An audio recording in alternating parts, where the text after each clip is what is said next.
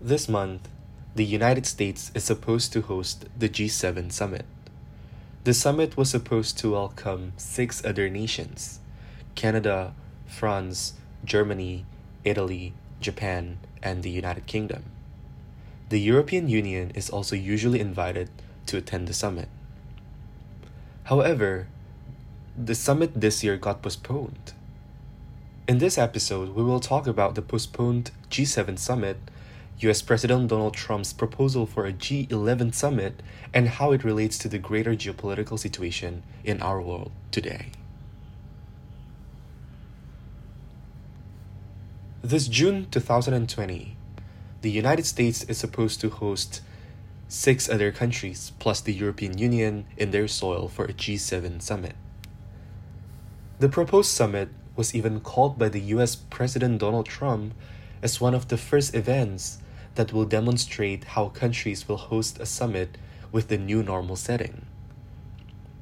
However, the Chancellor of Germany, Angela Merkel, said that she will not attend the meeting because of concerns revolving the coronavirus pandemic. The meeting then got postponed, and US officials have announced that they hope to host the meeting later this year. Donald Trump said that he is hopeful that the summit will take place before the United Nations General Assembly that will take place later this September. One interesting thing that Trump said publicly, though, besides the postponement, is the possibility of expanding G7 to become G10 or G11 or even G12. Trump is keen to invite Australia, India, South Korea, and Russia. Some source also cited that there's a hint that Trump might also invite Brazil to the table. Hence, G7 become G10, G11, or G12. So in G7, the host country has the right to invite guests to the summit, which is why Trump is inviting a bunch of other countries to attend the G7 this year where the United States is a host. However, the decision to expand the G7 does not lie solely on the US.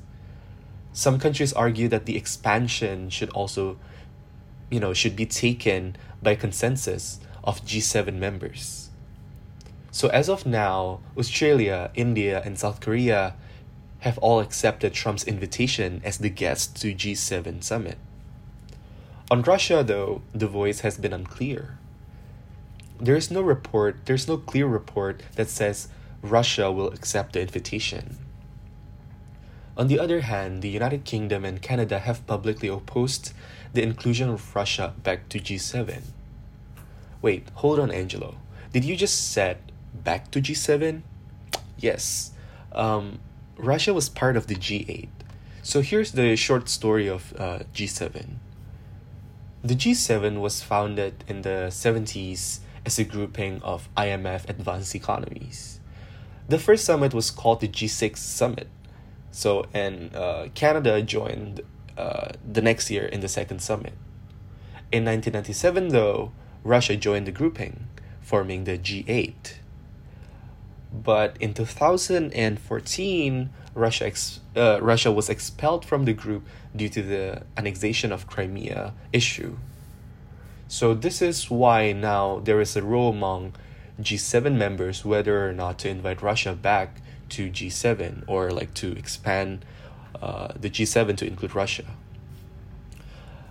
Uh, the other country that we're also talking about here is Brazil. On Brazil, uh, the news has been less clear. One thing for sure, uh, the Brazilian President Bolsonaro is not a big fan of the French President Emmanuel Macron. Uh, Bolsonaro openly criticized Macron as G7 was pushing for a better management of the Amazon forest in Brazil uh, through last year's uh, communique. So now onto the discussion on G11. So what's so interesting about this G11? Uh, if we see closely on the configuration of the invited guests, uh, Australia, India, South Korea, and Russia, right? So the three three of them are America's close allies, and the three of them have accepted Trump's invitation. Uh, now let's take a look on the other regional initiative that the U.S. has pushed for the past several years.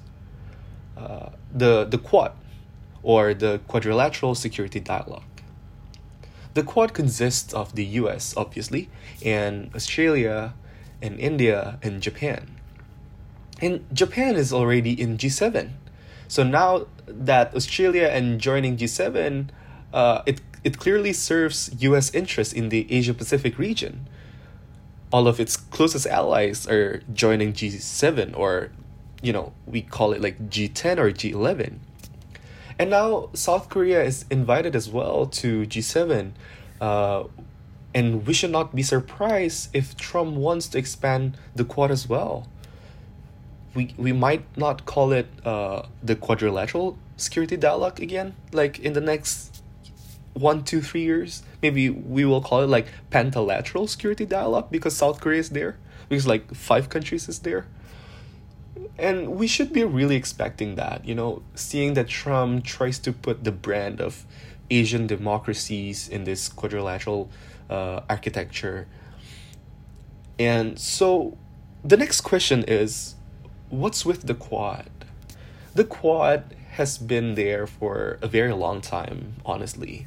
But the idea was revived by the us uh, only after trump announced the indo-pacific strategy back in 2017 APEC Summit, which was held in uh, Da Nang in Vietnam. Uh, after Trump's uh, announcement, Indo-Pacific sort of become one of America's flagship foreign policy in the Asia Pacific region. And it is very interesting to note that the grouping even met informally in the sidelines of 2017 ASEAN summit uh, back in the Philippines. I think the timing was not very different from the APEC summit in Vietnam to the ASEAN summit. I remember Trump uh, visited and toured Asia uh, from several other countries in North, North, Northeast Asia, and then he visited Vietnam. And then after he visited Vietnam, I think he went on to uh, visit ASEAN summit. So, the Indo Pacific strategy is a balancing strategy by the US to react to China's Belt and Road Initiative. And it is very important to note that, you know, China, one of the biggest economies in the world, like number two in the world just after the US, is not invited by Trump to attend the G7 summit this year. And, you know, I believe it is not a mere coincidence. Um, we see the geopolitical architecture where Trump is trying to build and revive Quad.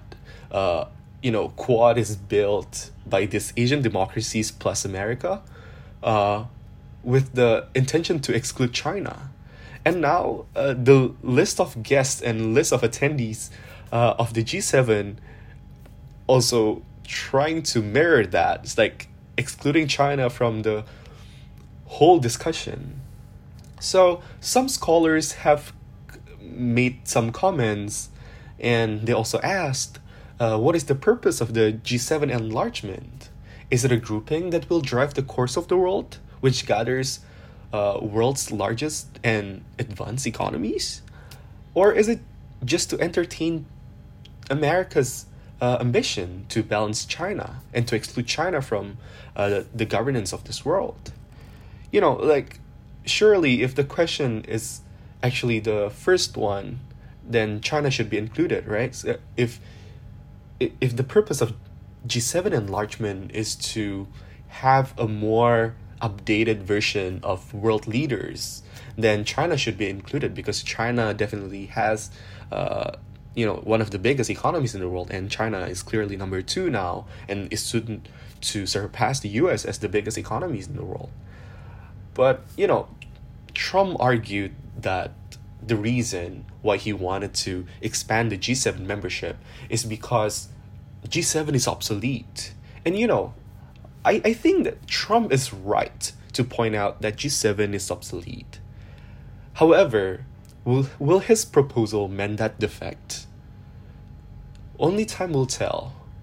And let's hope that we have the answer by the September.